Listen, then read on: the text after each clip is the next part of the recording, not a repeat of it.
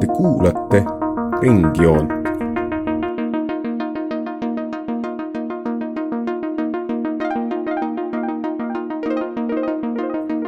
joon ringis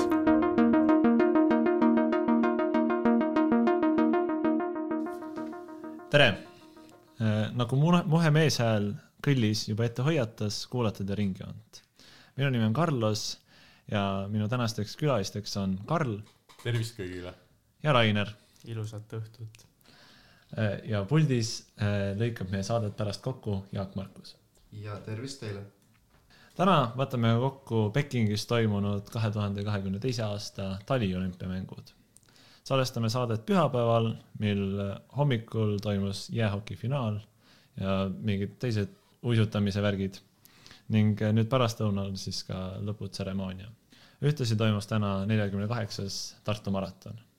aga alustakski siis sellega, et küsiks oma külalistelt Äh, kas ja kuidas teie äh, möödunud olümpiamänge jälgisite ja millised olid emotsioonid? mina isiklikult äh, täielikult boikottasin selle aasta taliolümpiamängud, sest riik, kus äh, olümpiad toimusid, on sihuke veidi nõmedavõitu ja see ei oleks tohtinud äh, seal toimuda. miks oli nõme, me varsti räägime, aga äh, jälgisin nii vähe äh, Äh, kui oli võimalik, ainuke asi, mis ma vaatasin, oli hoki ja meie enda Kelly Sildaru sooritust. Väga huvitav äh, definitsioon täielikust boikotist, aga palun, Harald, mis äh, sina siis, kuidas sinuga lood? ja, et äh, mul oli väga sarnane olukord Karliga. ma samamoodi täielikult boikoteerisin olümpiamänge, aga lõpuks natuke ikkagi vaatasin suht sarnastel põhjustel. Vaatasin ka hokifinaali just täna ära ja jälgisin veidi uudiseid, seda, mida nägin. aga üldiselt ikkagi ütleme nii, et ei ole otseselt nende mängude sisu endaga ei ole nii hästi kursis olnud selle tõttu. aga jah, muuga olen ennast kurssi viinud nüüd noh, siis äh, nagu te kuulete, on stuudios kaks väga suurt eksperti, kes teavad kõike, mis toimus Äh, möödunud paari nädala jooksul ja võib-olla siis äh, hakkakski kuskilt otsast pihta, et äh, et äkki võtakski kõige esimesena siis fookusesse just selle Hiina ja üldise kasu, mis nad võib-olla siis sellest olümpiamängude korraldamisest said või oleks loot-, lootnud saada. et teame ju, et praegu oli väga palju tähelepanu Ukrainal erinevad sporditähed, kes tegelikult oleks pidanud võistlema, said Covidi ja jäid hoopis karantiini, ei saanud võistelda. paljud inimesed boikoteerisid, paljud inimesi lihtsalt ei huvitanud, sellepärast et eks see taliolümpia on veidike, kuidas ma siis ütlen, natuke rohkem nišiala ka, kui võib-olla see suveolümpiamängud. Et mis te arvate, et kas Hiina saavutas soovitud ja taodeldud tähelepanu, mida nad ootasid, lootsid, mis kasusid nad tahtsid või või ikkagi pigem lõigati praegusel raskel ajal epidemioloogiliselt ja ka poliitiliselt siis ma ei tea, laetud maailmas endale kas just näppu, aga, aga jah, et ei, ei, ei suudetud äh, siis saavutada seda, mida nad tahtsid. kusjuures ähm, võib-olla on veidi vara veel öelda selle osas, et äh, mis see järelkaja veel on, aga mul on endal tunne, et see väga ei muutnud midagi noh, nagu pär-, nagu varsti ka edasi räägime, aga suudeti siiski sport ja poliitika lahus hoida, et need sportmängud nagu toimusid. Äh, ja ma ei, noh aga samas muidugi on olnud need mitmed skandaalid, samamoodi, mida kohe käsitleme. samas ma ei ole nagu täheldanud massilist vastukaja võib-olla otseselt Hiina vastu, mis nüüd tekkis just olümpiamängude tõttu. lihtsalt on mainitud igal pool kõik need äh, probleemkohad aga ma arvan, et pigem jah, see ei muutnud midagi nagu nii drastiliselt. ei muutnud midagi drastiliselt, tähendab seda, et see ei tee midagi paremaks, aga ka mitte halvemaks. sisuliselt jah, ja samamoodi näiteks, kui tuua paralleel äh, mingite minevaste olümpiamängudega, et kus toimusid otsesed geopoliitilised muutused, nagu viimane Pekingis toimunud olümpiamängud, kus oli ju äh, samal ajal see, et Venemaa tungis Gruusiasse, sellepärast et kõikide pilgud olid mujal ja siis oli nagu hea selle varjus äh, oma väed äh, Gruusiasse viia samamoodi ka ju Sotšis toimunud olümpiamängud kaks tuhat neliteist, kui algas, samal ajal algas Donetski ja Luhansk värk pihta ja pär-, natuke pärast seda Krimm võeti. et sellist asja ei ole praegu olnud tulles tagasi küsimuse juurde, et äh, kas oli täiuslik äh, sooritus äh, Hiina poolt, et teha perfektset olümpiamängu, et saada oma ihaldatud soovid täidetud ähm,?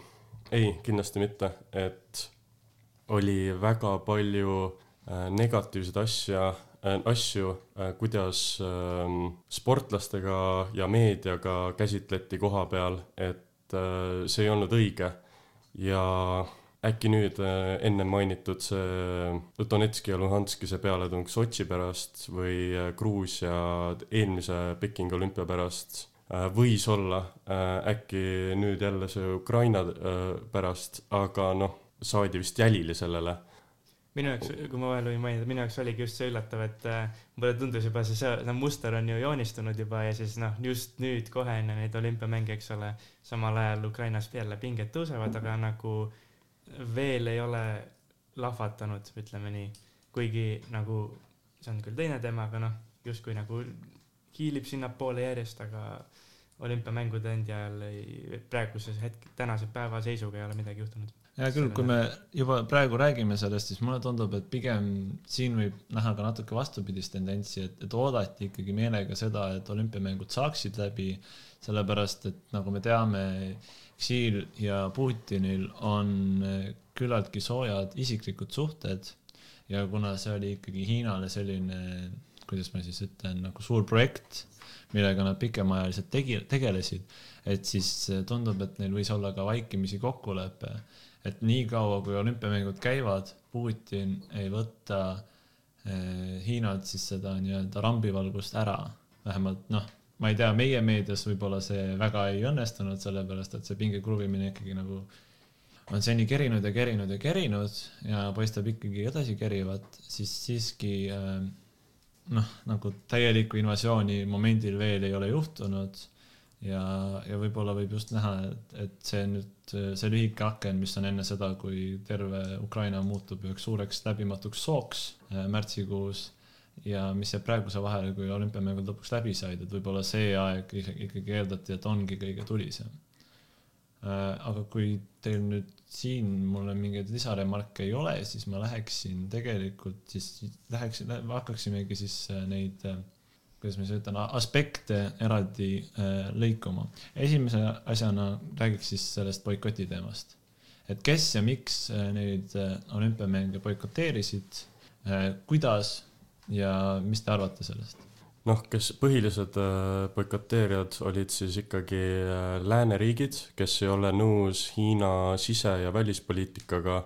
nagu teada, Hiina siis äh, viib läbi genotsiidi oma vähemusrahvastega Lääne-Hiinas ehk siis uiguridega Xinjiangis. Ja siis ka, mida meedias vähem kajastatakse või tegelikult viimasel ajal ma pole üldse näinud, on siis äh, jälle, jällegi see mongolite teema, et mongolid, kes on elanud seal ne, nemad on ka sattunud selle hanification'i alla, et põhimõtteliselt Hiina sisepoliitika näeb seda, et oleks üks rahvusriik, ehk siis Hanni rahvas äh, eksisteeriks vaid Hiinas, kõik vähemusrahvad äh, peaksid siis enda identiteeti ja kultuuri muutma siis Hiina nägemuse järgi. Ja mis veel, et Hiina on olnud väga selline turbulentne naaber, et on võtnud käsile siis Lõuna-Hiina meres äh, väiksemad riigid, näiteks Filipiinid, Malaisia, Vietnam, et äh, nende territoriaalvetes siis viia läbi sõjaõppuseid ja rajada tehissaari, et äh, siis laiendada oma piire. ja spordimaastikus peab loomulikult mainima siis Peng Shuaid et äh, Peng Shuai oli siis äh, Hiina tennisetäht, kes Hiina sotsiaalmeedias mainis äh, ühe Hiina ametniku seksuaal-ära kasutamist ja ta tegi selle postituse küll Hiina sotsiaalmeedias ja koheselt võeti see maha. pärast seda hakkas rahvusvaheline spordikogukond teda taga otsima, et kas temaga on kõik hästi, kas on kõik korras paar nädalat oli vaikne ja tuli kommunistliku partei poolt sihuke teavitus, et äh, jaa, on korras, et keegi ei pea midagi muretsema. naiste rahvusvaheline tenniseorganisatsioon väga ei uskunud seda. Ja siis hakati küsitlema ja siis see lõpuks tuli tänu sellele survele erinevad intervjuud, aga paistab, et läbi hirmupoliitika Hiina selle Peng Shuai äh, vaigistanud ja tema süüdistused kõik äh, maamunalt ära kustutanud, et äh, tegelikult ei juhtunud mitte midagi, mis me teame, et on suur-suur vale, et nii sisepoliitiliselt, välipoliitiliselt kui ka spordimaastikul on põhjuseid, miks oleks pidanud boikoteerima need taliolümpiamängud. jah, põhjused saime nüüd ilusti kätte, võib-olla Harald räägib ka selle boikoti enda olemusest natuke rohkem nüüd, et siiski kaheksakümnendate aastate olümpiamängudest eristas neid olümpiamänge see, et boikott ei puudutanud nii väga sportlasi, vaid rohkem siis diplomaatilist segmenti, kes seda vaatama läks, et võib-olla Harald, sa siis räägid sellest, et, mil, mil määral või millisel kujul seda boikotti siis läbi viidi? jah, et äh, täpselt nagu sa ütlesid ja et see oli äh, puhtalt diplomaatiline boikott, et ükski sportlane ei jätnud minemata olümpiamängudele, sellepärast et nende riik ei lubaks, mis on just nimelt erinev siis näiteks kaheksakümnenda aasta Moskva ja kaheksakümne neljanda aasta Los Angeles olümpiamängudest, kus äh, lihtsalt äh, kogu see nii-öelda vastasplokk, vastavalt kas äh, lääneriigid või Varssavi pakt, jättis in corpore minemata aga et selles mõttes on hea näha, et sporti ja poliitikat suudeti piisavalt lahus hoida. ja siis jah, kes näiteks, ta oli, olid riigid, kes otseselt boikottisid olümpiamänge, näiteks Leedu oli esimeste seas USA, Austraalia, Suurbritannia, Kanada ja siis äh, olid teised, kes nagu nii-öelda de facto ütleme, ei ilmunud kohale või noh, näiteks Eesti oli nende seas, kes ei läinud kohale avatseremooniale ja, ja lõputseremooniale. aga jah ma arvan, et see on, äh, et siin on võib-olla näha mingisugust arengut, ütleme, võrreldes siis külma sõja ajaga, kui olukord oli nagu tõsisem, ka sportlastel keelati minna ma võib-olla siis küsiks niimoodi, et aga mis te arvate, mida oleks pidanud sellises olukorras tegema, et mis see kõige ideaalsem reaktsioon on, et kas päriselt kuulutada välja, et me ei lähe nüüd sellepärast, et me teeme diplomaatilist boikotti? Näiteks võtame Eesti näite, sellepärast et see on see mätas, mille otsast meie ilmselt peaksime ka välispoliitikat kõige rohkem vaatama, et kas äh, oli õige äh, teha selline natuke hundid söönud, äh, lambad terved lahendus, kus nagu de facto ei mindud kohale, aga noh, samas seda saab ka põhjendada, ma ei tea, praeguse epidemioloogilise olukorra või millega iganes, et, et see noh, ei olnud võib-olla nagu ta ploki, ploki käitumisena mõjub ka nagu justkui meie oleks seda boikoteerinud, samas me ei teinud mingit avaldust selle kohta. et, et kas pigem võikski jääda sellise lahenduse juurde, nagu tehti, või oleks pidanud olema häälekam nagu Leedu või äkki oleks pidanud hoopis minema, et mis, mis teie arvate? Ja see on ka hea point, et sa mainisid, et tõesti osad riigid mainisid lihtsalt seda Covidi situatsiooni põhjusena mitteminekuks. noh, siin on jällegi raske on hinnangut anda, eks ole. ma arvan, et äh, see on kindlasti hea, et sportlased läksid. aga selle osas, kas oleks võinud niimoodi näiteks ka Eesti avaldused nagu teha otseselt boikott välja kuulutada? no ma ei tea, kahe otsaga asi, et samas, eks ole, NATO suuremad riigid tegid seda, aga noh, näiteks see ongi see koht, et Eesti ei ole võtnud nii kindlat hoiakut selles, äh, ütleme siis Hiina küsimuses, Äh, erinevalt Leedust, kes seda on selgelt nüüd eelmise aasta, eelmisest aastast teinud. et, äh, meil jah, hetkel jätkub see, ei tea, kas nagu neutraalsuspoliitikaga just sihuke vaikne vastuseis võib-olla. ma ei oska isegi hinnata tõesti, kas see on hea või halb nagu. ja Karl? Ma arvan seda, et Hiina on üritanud näidata tervele maailma, kuidas on seda Covid situatsiooni all hoidnud ja nad tegid ka seda olümpial, et äh, igapäevased testimised ja asjad, et kui mõni välisvalitsus äh, ei tule Covidi pärast, ma ütle, ma ütleks, et see on juba piisavalt sihuke äh, näitamine, et me ei usalda seda riiki, et see ei ole õige, mis seal toimub, sest Hiina on nagu noh, valede faktide lihtsalt üritanud kogu aeg äh, näidata, et meil on kõik asi kontrolli all, me oleme nii puhtad siinkohast, et ma arvan, et see on äh, sihuke hea enne mainitud vaikne vastuseis, et, et see Covidi kate on äh, mõistlik, aga mis mina isiklikult arvan, on see, et et sihuke de facto, et las sportlased äh, lähevad, aga nagu need, kes, need riigid, kes ei ole nõus äh, Hiina tegemistega, pigem lihtsalt tähtsaid isikuid mitte saata või et nad ei tohiks minna sinna. See on täiesti mõistlik minu meelest. aga ma nüüd küsin siin kohapeal vastu, et mida siis ikkagi arvate ja kuidas suhtuda nendesse liidritesse, kes ka läänemaailmast ikkagi läksid sinna? jaa, et esiteks neid tõesti oli, et lääneriikidest noh, Poola, Prantsusmaa, Itaalia, ka näiteks siit lähedalt Läti ja Soome saatsid oma esindajad äh,. muidugi küll osadel läksid vist mingid madalamad diplomaadid, Poolal läks ka ikkagi äh,, Carlos oskad ise öelda? Minu meelest Duda läks. Duda jah, Andrzej Duda jah, just äh,. Läks isiklikult kohale. see, see ei olnud sihuke küsimus, kus nagu tehti mingi ühtne arvamus, et äh, teeme nüüd kõik nii, et me ei lähe või et teeme, et ikkagi läheme. ja jällegi sama asja korrates võib-olla ma arvan, et see on mõistlik, et see on ikkagi spordisündmus, muidugi ongi see probleem, et Hiina jubedalt üritas seda politiseerida ja tegigi seda, onju, mingil määral, aga mm, ma ei, ma ei näe põhjust nagu otseselt kritiseerida nii palju seda. muidugi nüüd ongi see küsimus, kuidas ta Hiina tõlgendab äh, ja Venemaa, et kas, et noh, Euroopas on selgelt see, et osad riigid boikotisid, osad äh, ei läinud, osad, osad aga läksid. ja et seda võib tõlgendada muidugi nõrkusena äh,, mida Venemaa ja Hiina meeleldi teeksid. aga jällegi, ma ei tea, kui suurt tähtsust sellele panna. Aga jah, noh, selles mõttes minu meelest Duda enda põhjendus sellele justkui oligi see, et eh, mida me ka kuulsime äh, Eestis, mida päris palju meedia rääkis äh, olümpia algusajast, et kohe seal esimesel päeval või avatseremoonial pidi toimuma mingi kohtumine siis Putini ja Xi vahel, mis justkui paneb paika, kas ja mis Ukrainas saama hakkab ja Duda enda sõnul vähemalt oli siis seal see tasakaalustav jõud, kes nii-öelda siis jah, et, et nad ei, et ei tekiks nagu seda mulli nii suurt, oleks ka mingi läbikäimine või, või noh, nagu mingi teine vaade oleks ka juures, et äh, jah, ma arvan, et võib-olla olekski tark jätta siinkohal hinnang andmata. ja ma ei tea jah, kui mulle ei tundu see väga nagu nõrkuse märgina, et ikkagi Lääs tegi selles mõttes küllaltki tugeva diplomaatilise avalduse ja noh, tõesti nagu nii suurtest äh, nimedest läks sinna väga vähe, aga võib-olla oli ka hea, et keegi oli seal ikkagi.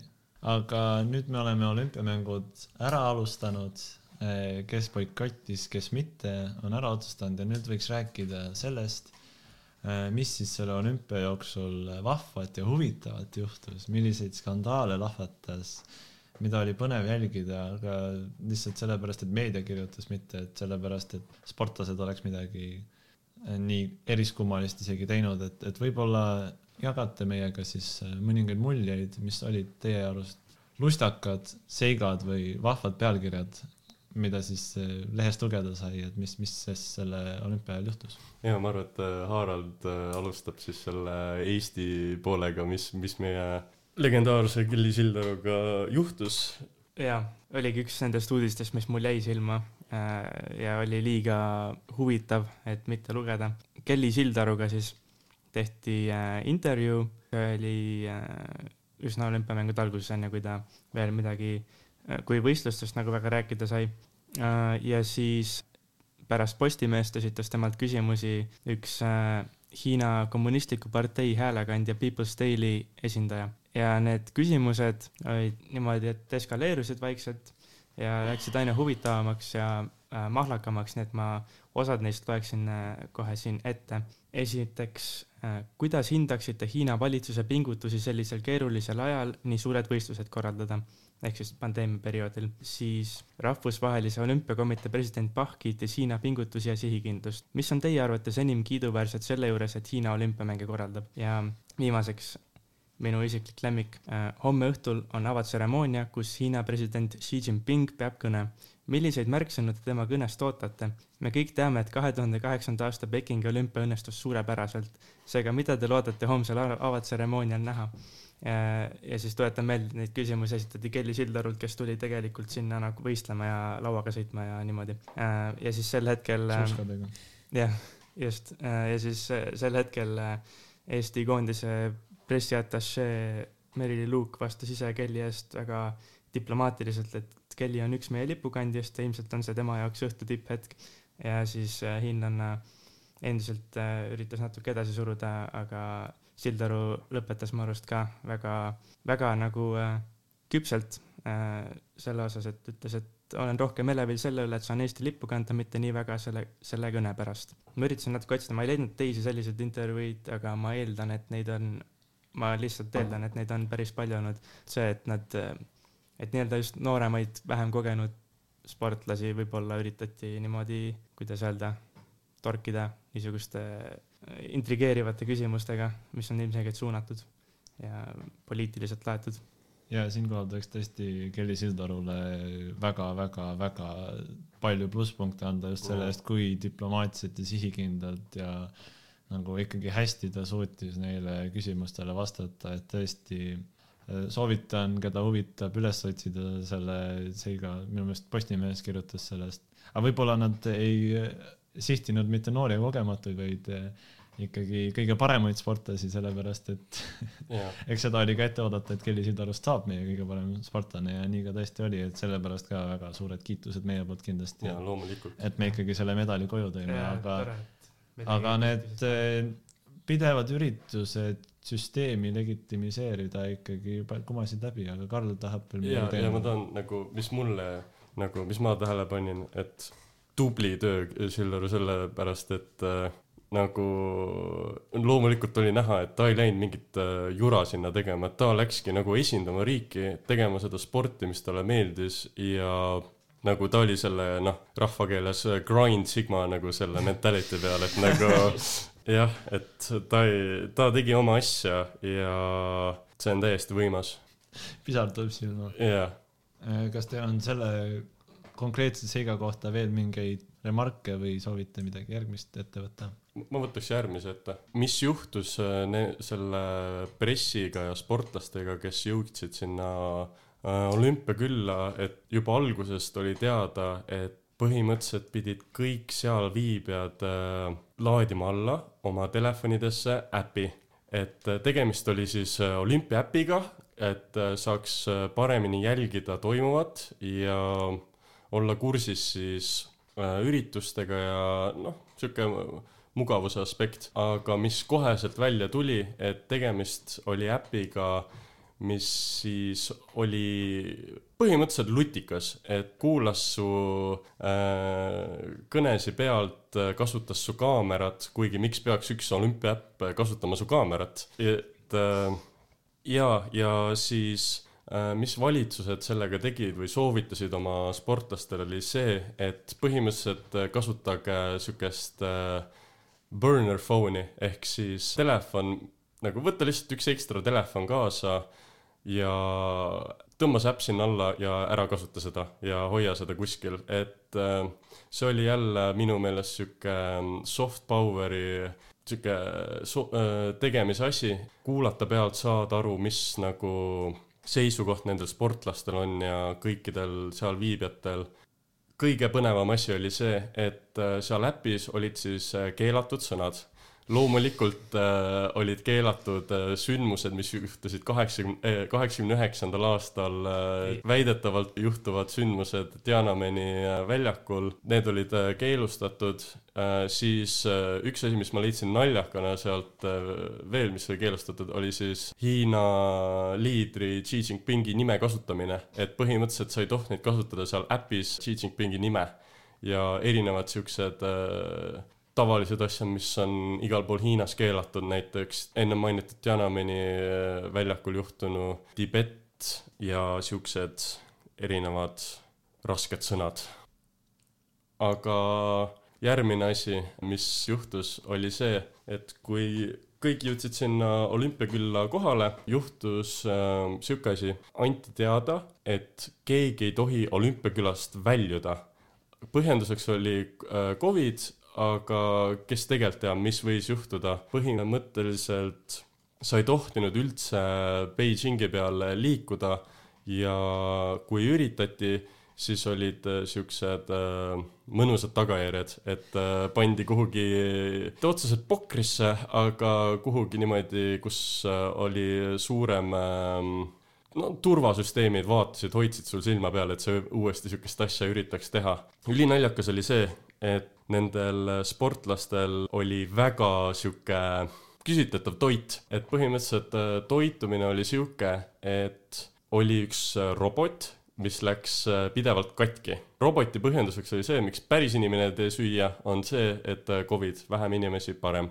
aga see robot tegi ikka halba toitu ja ainuke asi, mis äh, robot tegi hästi, olid siis pelmeenid ja siis ütles üks äh, USA sportlane, et ma sõin äh, sada pelmeeni ära äkki nende päevade jooksul, aga mis Hiina valitsus ütles, oli see, et meie roboti pelmeenid olid nii head, et USA äh, tubli äh, sportlane sõi ühe korraga sada pelmeeni ära, tegelikult oli lihtsalt ainukese söödava toiduga. mis juhtus nendega, kes said Covid positiivse olümpia ajal, oli see, et nad pandi isolatsiooni. mis toitu nemad said, olid siukse väga halva toiduga, et toit oli põhimõtteliselt üks sihuke kanatiib, veidike juurvilju, loomulikult polnud hästi tehtud juurviljad, kanatiib, nagu see sportlane ütles, et tegemist ei ole olümpiaküla toiduga, et see oli väga küsitletav, mida nad seal tegid ja kuidas see juhtus, keegi ei tea, aga siuksed öö, väiksed sündmused, nüansid võivad näidata, et kuidas see asi tegelikult korraldatud oli. loomulikult polnud perfektne, mis seal toimus, et oleks saanud palju asju teistmoodi teha. ja ma äh, mainiks veel olümpiaküla kohta ka seda näiteks, et äh, äh, üks äh, soomlasest murdmaasuusataja äh, pani üles pildid äh, selle kohta, kuidas on äh, üleujutus seal äh, sportlaskülas nii-öelda siis äh, ja siis äh, Hiina palus, õigemini käskis tal need pildid kustutada. videolt on näha, kuidas, et ei ole nagu väga normaalne keskkond. ja tõesti jah, see jällegi see, mis nagu olümpiakülas olema peaks. Võib-olla ma küsiks niimoodi, et kas midagi positiivset või innovatsioonilist või toredat ka silma hakkas? no ütleme nii, et kog-, nagu äh, kogemused olid seinast seina, et oli ka neid, kes ütlesid, et, et suht tore oli. huvitav, kas seal võib ka asi olla selles, et seal oli vist mingi kolm kohta, kus nad tegelikult pidasid neid võistlusi, et seal erinevates olümpiakülades või paikades võis ka olla küllaltki erinevad tingimused. jah, Harald Äh, noogutab. absoluutselt jah, jah, positiivne on see, et mulle tundub, et äh, ei olnud sellist ähm, äh, sellist asja näiteks, et äh, hiinlastele oleks üritatud teha paremaid tingimusi kui teistele. samamoodi väga ei, nagu ei jäänud silma, et äh, võistlustel oleks nagu kohtunikud näiteks teinud äh, Hiina sportlastele poolt olevaid otsuseid, et see on vähemalt positiivne. ja ma pean seda ka mainima, et loomulikult on äh, tegemist epideemia olukorraga ja ma sain aru, miks see toidurobot ja asjad olid, et jah, peab käsitlema seda epideemiat kuidagi. mõte oli hea, aga teostus noh, tahtsime parimat, aga välja ja, tuli ikka ja, nagu. ja, ja täpselt nii, et äh, üritati olla innovatsiooniline, aga noh, ei kukkunud hästi välja. aga mis te arvate, kas äh, Kasahstan oleks paremini hakkama saanud?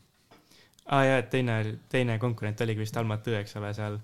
noh, arvestades, mis just nüüd suht samal ajal juhtus, siis. ja noh, Kasahstanil ma ei tea, kuidas nende riigieelarvega on, et kui palju nad oleksid nüüd saanud raha panna sellesse taha, et ega jah, ega ei, pigem ei. mingit kullast maju seal on ju korralikult. aa, ja siis muidugi veel üks äh, skandaal näiteks oli see, et äh, avatseremoonial muidugi oli ka Putin kohal kui Xi sõber, nagu mainitud, ja siis ähm, kui oli Ukraina kord äh, lippudega lehvitada, siis ta justkui jäi magama. jaa Jah., aga mis veel oli loomulikult seal olümpiakülas, oli igapäevane testimine. loomulikult see kellelegi ei meeldinud, aga noh, olukorrast tulevad. mis üks äh, Kanada non-profit organisatsioon äh, siis äh, ütles, et äh, võiks tõeks pidada, on see, et kui tehakse neid Covid teste, siis saadaks äh, nende sportlaste DNA-d ja see Kanada non-profit väitis siis põhimõtteliselt, et Hiina üritab läbi nende Covid testide saada siis tippsportlaste DNA-d. ma ei tea, see on veits sihuke conspiracy theory, aga jah, et mis sellest võib tulla, et äh, kas kolm tirka verd. ja, ja täpselt, et kas me näeme tulevikus äh, Kelly Sirdaru mingi supersõdurit, kes äh, suudab suuskadel vallutada uhked maid, elame-näeme. aga kui Harald tõi selle Putini jälle tagasi mängu, siis äh, ilmselt äh, paljudele eestlastele täna hommikul noh, nagu ka Twitteris ja igal pool on olnud näha, isegi president postitas selle kohta, tegi palju rõõmu see, et äh, Soomel õnnestus lõpuks võita kuldmedal olümpiamängudel. minu muidugi väga professionaalne välispoliitiline analüüs pigem äh, näitas, et oleks huvitav, mis saaks vastupidisel juhul. et huvitav, kui Venemaa võidaks, kas Putinil oleks piisavalt hea tuju, sest noh, nagu teame, tegemist on hokifänniga, et äh, oleks väed tõmmanud piiril tagasi. ei tea, nüüd, nüüd meil jääbki see teada saamata, eks me saame loota, loota ja oodata parimat, aga paraku vist on ikkagi tunne, et tuleb valvas olla aga mis te arvate, kas nendel olümpiamängudel on ka laiem mõju, et eh, okei okay,, järgmised olümpiamängud toimuvad küll Pariisis, aga järgmine näiteks jalgpalli mm toimub ka sellises võib-olla mitte nii äh,, kuidas ma siis ütlen, üldtunnustatud režiimis, nagu seda on Katar. mis te arvate üldse sellistes kohtades äh, selliste suursündmuste korraldamisest, mis võiksid neid režiime justkui legitimiseerida rohkem ja kas näiteks Katari puhul see muudab ka midagi? No Katarist ma isegi tean võib-olla veits rohkem äh,, olles pigem vutifänn kui talispordi ja mm, seal on jah äh,, seal on juba noh, ikkagi hukkunute arv on tuhandetes ja siin on massiliselt toodud peamiselt äh, mujalt Aasiast äh, tööjõudu, kes elavad täiesti kohutavates tingimustes ja teevad äh, põrgukuumusega tööd ja saavad südamerabandusi ja kukuvad alla ja nii edasi. Hiina puhul ma ei tähendanud, et asi nii tume oleks, ütleme olümpiaehitiste puhul. Hiina ikkagi üritab võib-olla jah näidata, et noh, nad vähemalt oma rahvast hoolivad või siis ütleme nendest äh, Hanni hiinlastest siis just nimelt. aga jah, et nüüd järjest on, järjest on mitmed sellised suurvõistlused just sellistes režiimides, jah, kindlasti ta nagu annab neile võimaluse poliitiliselt kaalukauss saada, eks ole. et noh, samamoodi kui ma jällegi toon paralleeli, et äh, Berliini olümpiamängud, muidugi vist kolmkümmend kuus, muidugi juba varem oli, oli kokku lepitud, et tuleb Berliini, Berliinis olümpiamängud, aga siis see sai ju suureks äh, natsipropaganda võidukäiguks seal ja noh, see on nüüd siis sarnane sellele. ma ise nii palju ei tea äh, sellest vutistaadioni ehitamisest, aga jah, et äh, loomulikult see pole õige, et kasutatakse mingit odavat tööjõudu, pannakse nad kuhugi äh, kraavi elama ja siis äh, need jalkatähed, kes seal kõik mängivad, peavad põhimõtteliselt surnuaia peal väravaid lööma.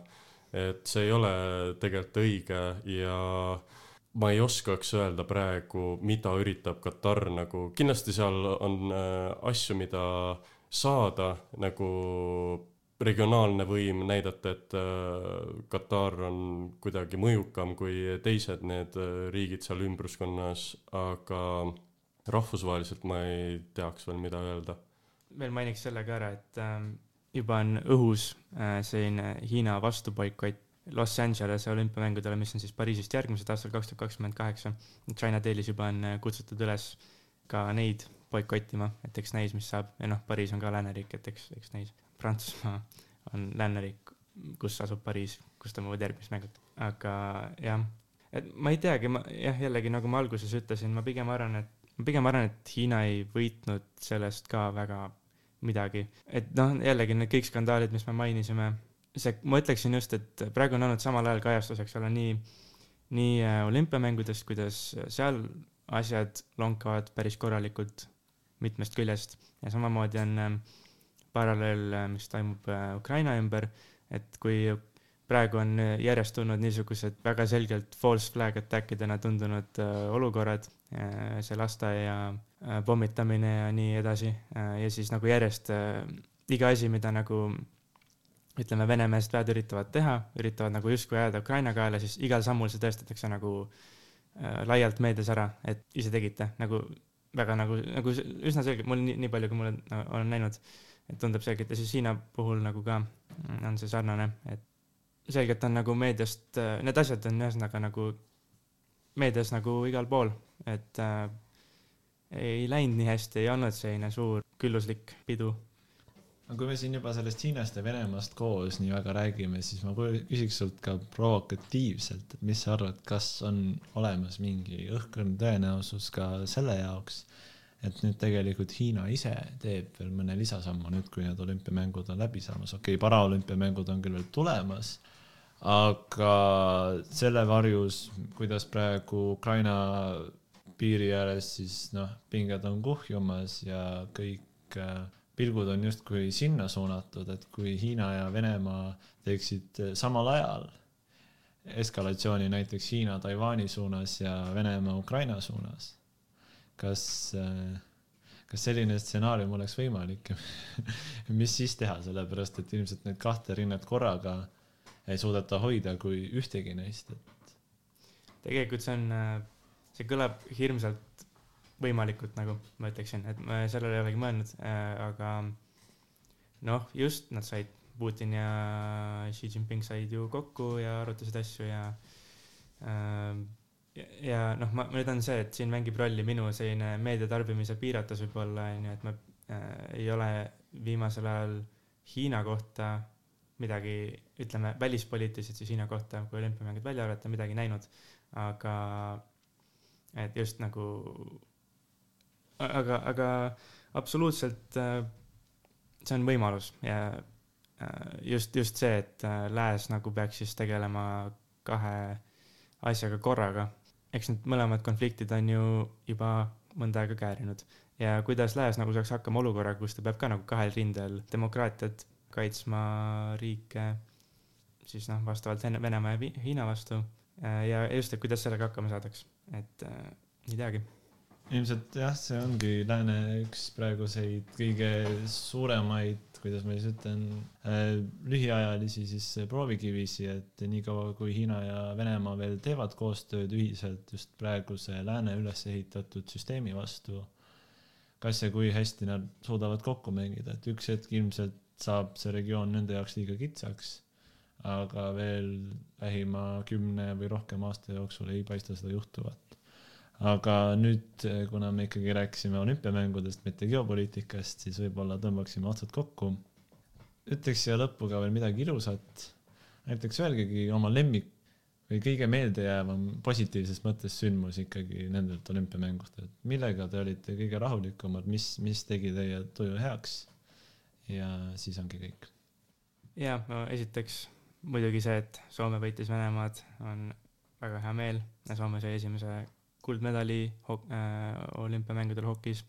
Ja Kelly Sildaru ikkagi tegi, tõi Eestile ka medali, et ma ise ei pannud üldse lootusi mängudele, aga õnneks, et kuna suusatamine ei ole enam kaugeltki, väga kaugelt see, mis ta oli viieteist aasta eest, et, et siiski saime midagi.